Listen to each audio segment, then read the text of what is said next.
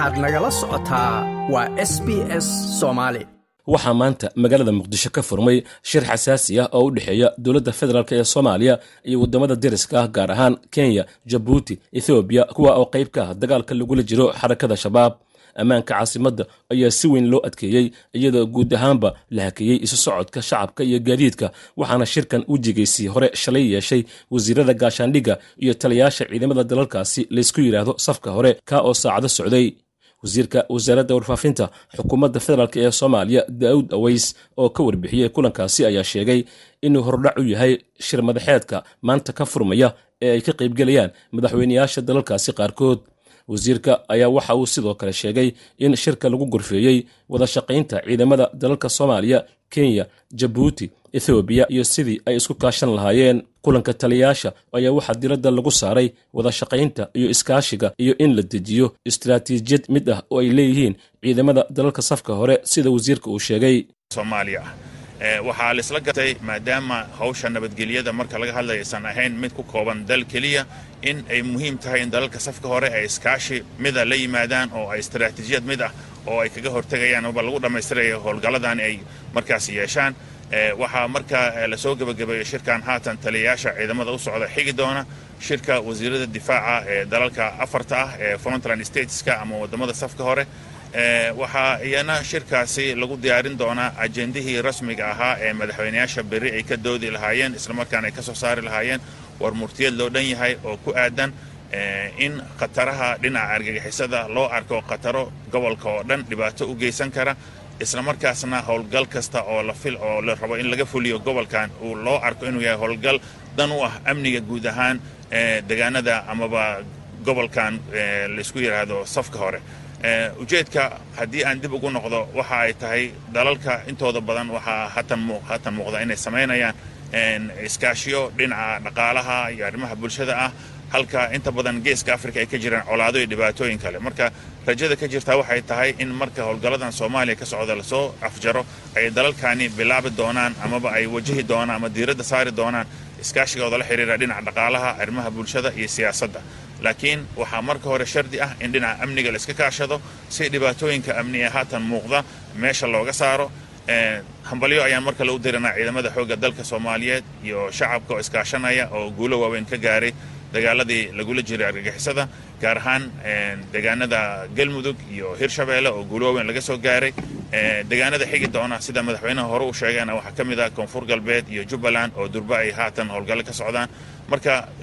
isku dar amaba marka aan isku geyno waxaa inoo soo baxaysa natiijada ah in howlgalkan soomaaliya ka socda. Loo arkay inuu yahay howlgal amniga soomaaliya keliya aan ku koobnayn balse dan ay ugu jirto waddamada kale ee ku yaalla gobolkan. Wasiirka warfaafinta daawud aweys ayaa dhanka kale waxa uu ka hadlay xirnaanshaha socodka dadka iyo gaadiidka ee caasimadda muqdisho inta uu socdo shirkani.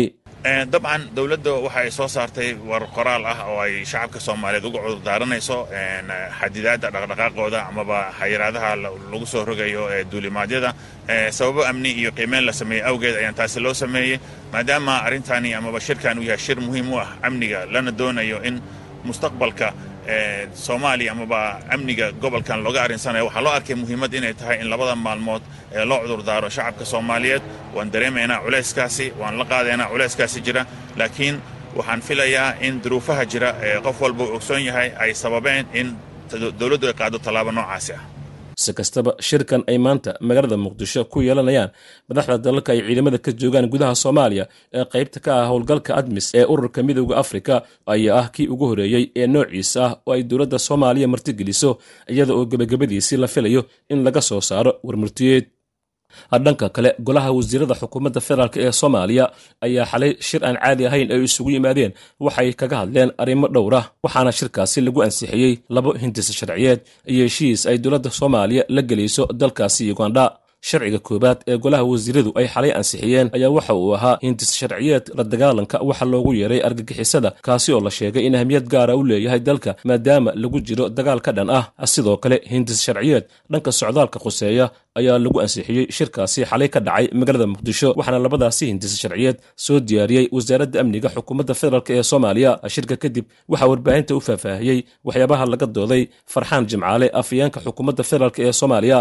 waxaa golaha wasiirada ee xukuumadda federaalk ee soomaaliya uu yeeshay shir aan caadi ahayn kaasi oo uu shir guddoomiyey ra'iisul wasaaraha xukuumadda mudane xamse cabdi bare waxaana lagu ansixiyey laba hindiso sharciyeed oo muhiim u ah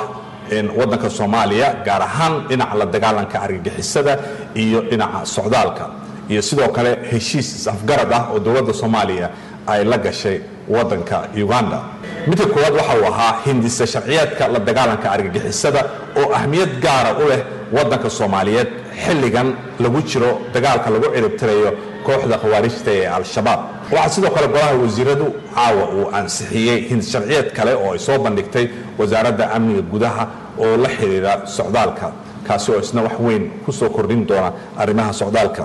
Golaha wasiirada waxaa sidoo kale caawa oo si aqlabiyada u ansixiyey heshiis is-afgarada oo dowladda soomaaliyeed ay la gaartay waddanka uganda oo ku saabsan iskaashiga dhinaca ganacsiga. Heshiiskan sida uu sheegay wasiirka wasaaradda ganacsiga waxa uu wax weyn ku soo kordhin doonaa dadka soomaaliyeed ee ganacsatada ah ee ku dhaqan waddanka uganda oo ka faa'iidaysan doona iyo sidoo kale iskaashi weyn oo dhinaca ganacsiga oo labada waddan dhex mari doona. Ma doonaysaa sheekooyinkan oo kale ka dhegayso apple podcast google podcast spotify ama meel kasta oo aad bodkastigaaga ka hesho